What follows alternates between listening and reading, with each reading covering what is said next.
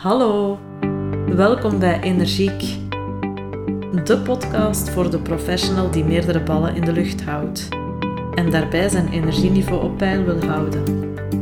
Mijn naam is Tuggy Peters. Ik ben ondernemer en coach. Gelukkig getrouwd en mama van twee puberdochters. Hey, hallo. Net als jij een bezige bij dus. En ik begeleid jou graag naar meer energie in je werk en in je leven. Vandaar de podcast Energiek. Boordevol praktische handvatten, zodat je je nooit meer uitgeblust hoeft te voelen. Creëer balans en zet de resultaten neer die je wil, terwijl je echt gelukkig bent. Welkom. Welkom lieve luisteraar. Je luistert naar de derde summer episode van de podcast Energiek. In de eerste aflevering van de Summer Episodes hebben we het gehad over het stressbrein en wat dit met jou doet, fysiek, mentaal, emotioneel en uh, wat je kan doen om eruit te geraken. En in de tweede aflevering hebben we jouw inner circle eens onder de loep genomen en gekeken welke vrienden jou wat uh, veel energie beginnen kosten en hoe je hiermee kan omgaan. En in deze derde aflevering gaan we het hebben over ja, uh, emotionele uitbarstingen en de triggers die, deze, ja, die ervoor zorgen dat die emotionele uitbarstingen gebeuren. En deze aflevering is ook een beetje specifiek voor leidinggevenden, omdat ik hen graag ook wat advies geef of tips uh, geef over hoe zij hier kunnen uh, mee omgaan wanneer ze geconfronteerd worden met een medewerker die wel eens last heeft van zo'n uitbarstingen. Ik geef je graag ook een kort stappenplan mee over hoe je voor jezelf met die triggers aan de slag kan gaan. Eh, dat stappenplan kan je ook terugvinden in mijn gratis e-book Jouw Job op Maat onder het hoofdstuk rond relaties en rollen. En je kan dat e-book downloaden op de Energy Stuff pagina op mijn website www.energy-coach.be. Zelf ja, heb ik het verschillende keren meegemaakt. Uh, ja, en op, zeker op momenten dat het niet altijd zo gepast of handig was. Ja, dat ik echt zo'n vanuit een gevoel van uh, frustratie en onmacht in een emotionele uitbarsting terecht ben gekomen. Zonder ja, dat ik daar het gevoel had dat ik daar controle over had. Met als effect dat de sfeer in het team omsloeg en ja, ik zelf voor de rest van de dag eigenlijk niks meer uh, gedaan kreeg. Die hevige emotionele reactie die wordt uitgelokt door wat we noemen een trigger. Een prikkel die een emotionele respons in gang zet.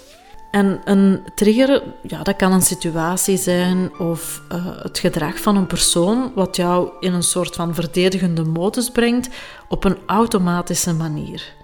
Het is als het ware sterker dan jouzelf. Je hebt er precies geen controle over en iedereen ja, kent die voorbeelden wel. Hè? Uh, een mail van je leidinggevende ja, met een verkeerde toonaard of een reactie van een collega of een klant die jou helemaal op jouw paard krijgt.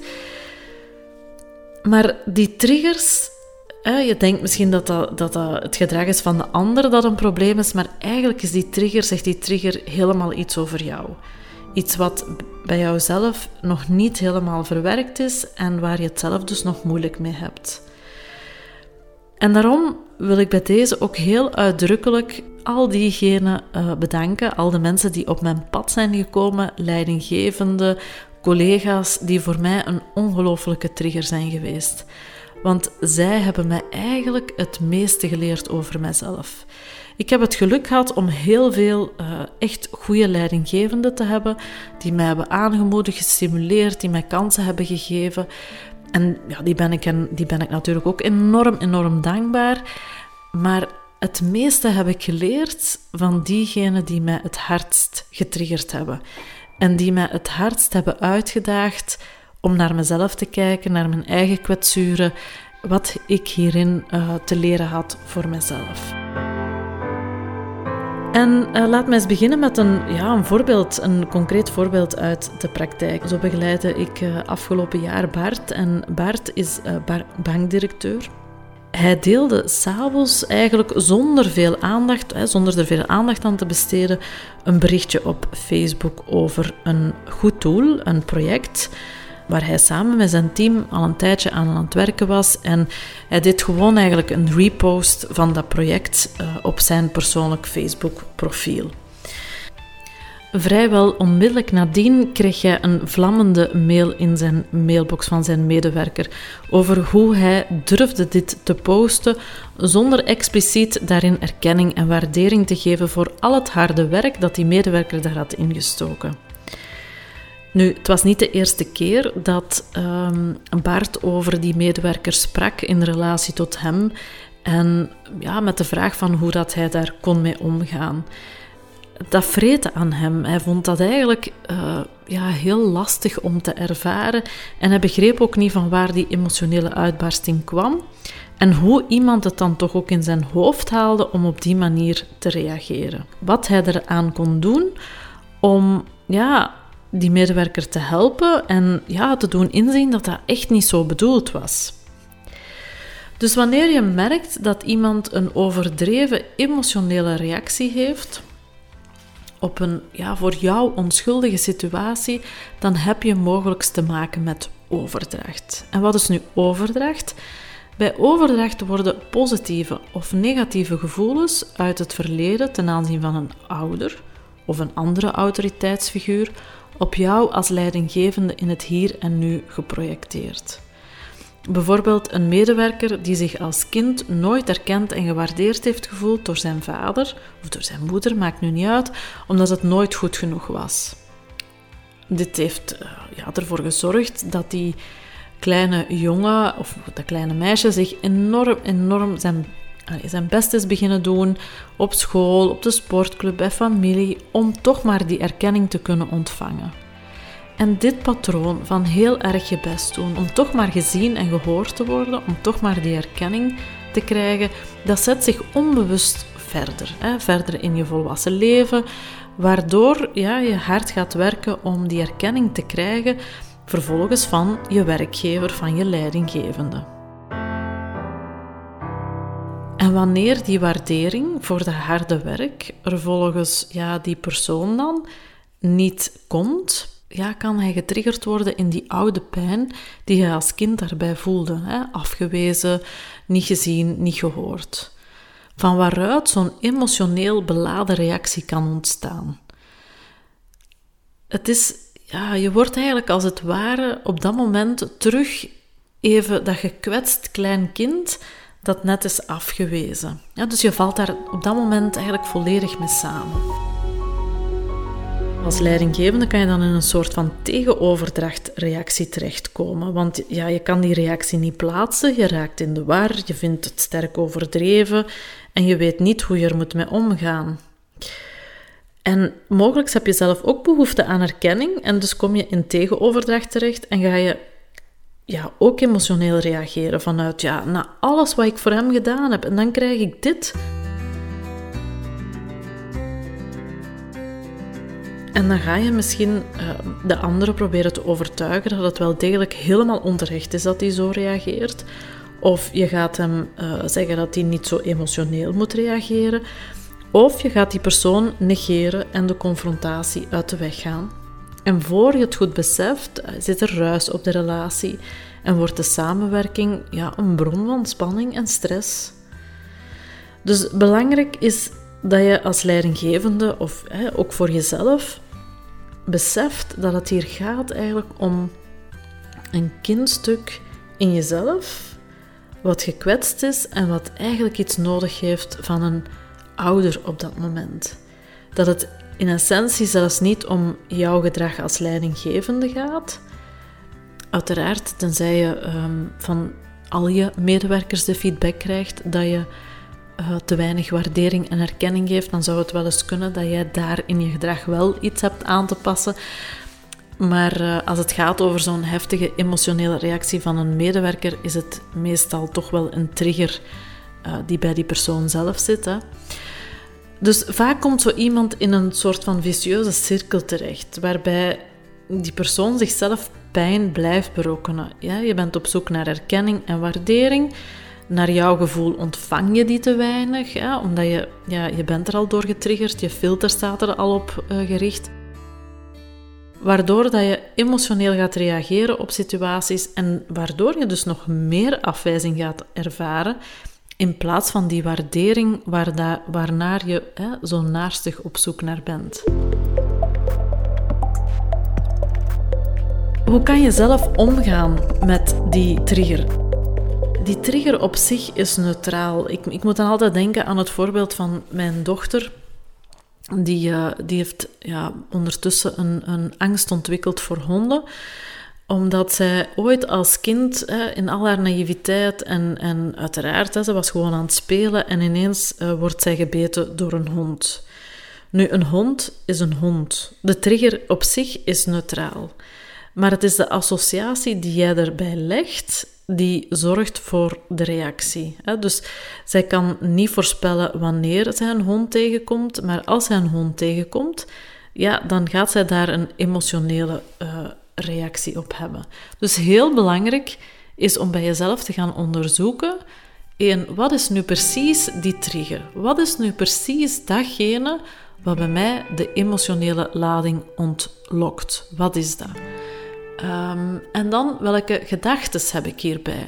En ja, zijn die gedachten eigenlijk wel waar? Klopt dat wel? Is dat wel de realiteit? Welke gevoelens heb ik daarbij? Word ik daar boos, blij, verdrietig? gefrustreerd? Voel ik mij onmachtig? Wat zijn de gevoelens die erbij horen?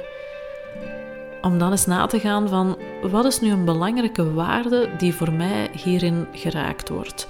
Een belangrijke trigger voor mij bijvoorbeeld is verantwoordelijkheid. Als, als ik ehm, niet serieus wordt genomen in de verantwoordelijkheid die ik neem of die ik draag, dan kan ik daar enorm in getriggerd zijn. En dan kan dat bij mij een emotionele reactie ontlokken. Dus verantwoordelijkheid is zo een belangrijke waarde voor mij die heel gevoelig is. Dus wat is die belangrijke waarde die voor jou geraakt wordt?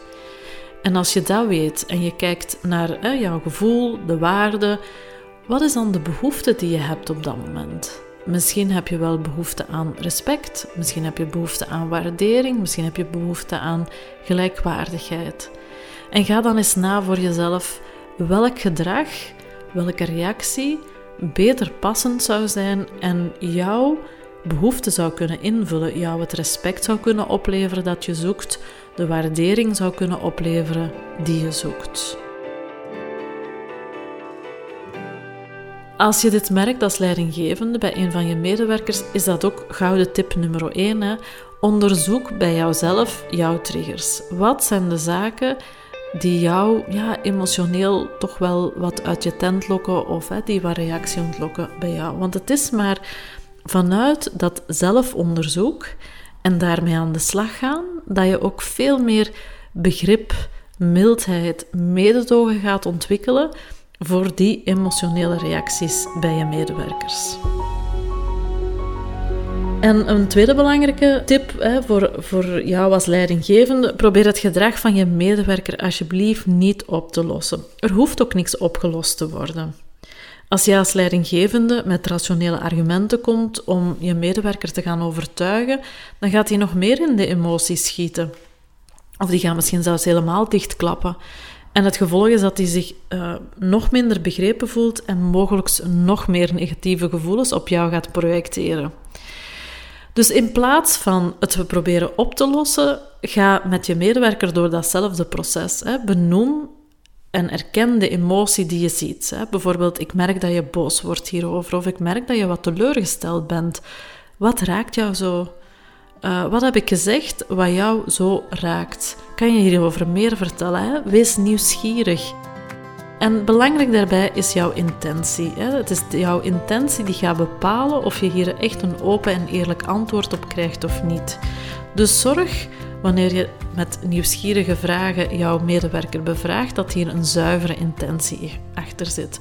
En die zuivere intentie is om beter te begrijpen, om uh, de andere persoon wat meer zachtheid te kunnen geven, mildheid. Niet om er komaf mee te maken, want dat gaat jou toch niet lukken. Want met een emotie maak je geen komaf. Luister ernaar, toon begrip en vraag wat, ja, wat jouw medewerker nodig heeft om ermee om te gaan.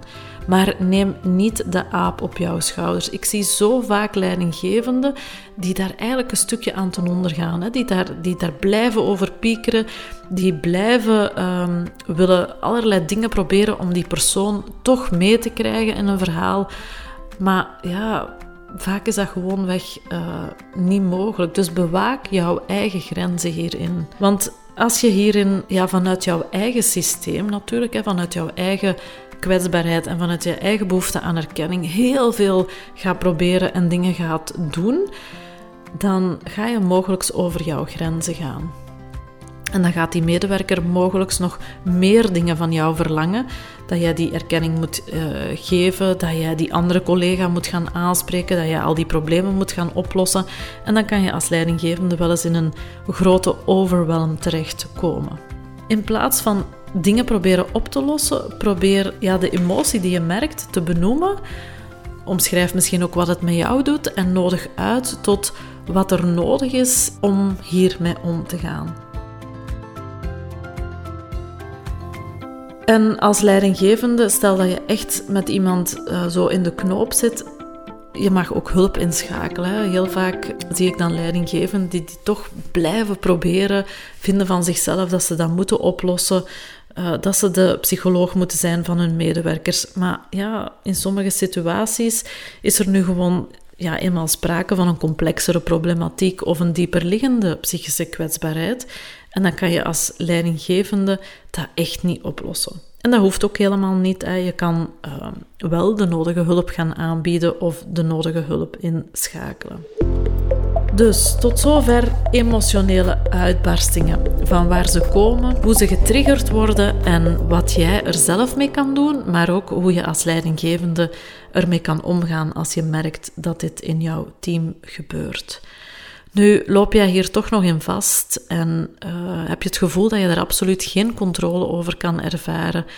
Uh, schakel echt hulp in. Hè? Neem contact op. Um, ik begeleid jou heel graag om jouw inzicht te verschaffen in die triggers, in uh, wat, de, wat de, ja, de oorzaken zijn, maar vooral hoe jij uit de reactie kan blijven. Between stimulus and response lies the freedom of choice. Dat is een uitspraak van uh, Viktor Frankl, die een boek geschreven heeft. Hij is Holocaust survivor en heeft um, ja, een, een mooi boek geschreven over hoe ja, jouw mind toch heel veel bepaalt hoe je de dingen interpreteert. Hè. Denk terug aan de hond. De hond is de hond, maar door bepaalde ervaringen, uh, associaties die je legt, roept, uh, roept dit een angstreactie op. Dus blijf er alsjeblieft niet mee zitten. Daar kan aan gewerkt worden en daar kan je met meer energie, rust, minder gepieker mee omgaan. Dat was het voor de derde aflevering van de summer episode van de podcast Energiek omtrent emotionele uitbarstingen. Ik, zoals steeds, wil jou uitnodigen om mij feedback te geven, mij te vertellen wat je ervan vond, of dit uh, helpend is geweest, of jij hier inzichten hebt uit opgedaan en wat je hiervan meeneemt. Ik uh, hoor het heel graag. En je mag me ook altijd een fotootje opsturen van wat je aan het doen bent wanneer je deze podcast beluistert, want die zomerfotootjes die toveren een lach op mijn gezicht. De volgende summer episode die gaat gaan over grenzen. En uh, ja, wat is dat nu een grens? Hoe bewaak je die grens? Hoe voel je een grens? En uh, ja, hoe trek je een grens? Graag tot de volgende keer. Dag. Bedankt voor het luisteren naar Energiek. Ik ben Twiggy en ik wil dat jij als drukke professional je energieniveau op peil houdt. Haal je energie en bruikbare tips uit deze podcast en wil je dat anderen hier kunnen van meegenieten? Deel deze podcast met jouw vrienden, familie, collega's of geef deze podcast een review. Dat zou ik heel fijn vinden wens je nog een energievolle dag en tot de volgende aflevering.